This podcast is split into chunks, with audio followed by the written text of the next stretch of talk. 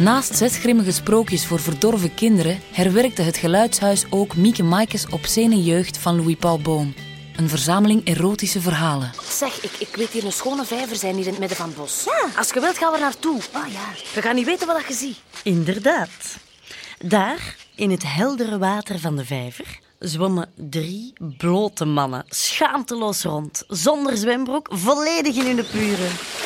Het bleken drie getrouwde mannen te zijn die ook in ons hotel logeerden. Niks hielden die verborgen toen dat ze ons zagen komen, integendeel. Ze lieten in het glasheldere water hun monsterding zien.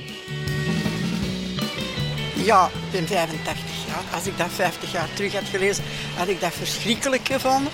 En nu, och ja, het is het leven. Sta je daar nu zo te gapen? Nog nooit een jonge zeikende hoer gezien? Het is tijd dat je een brevier wegsteekt en je fluit bovenaan.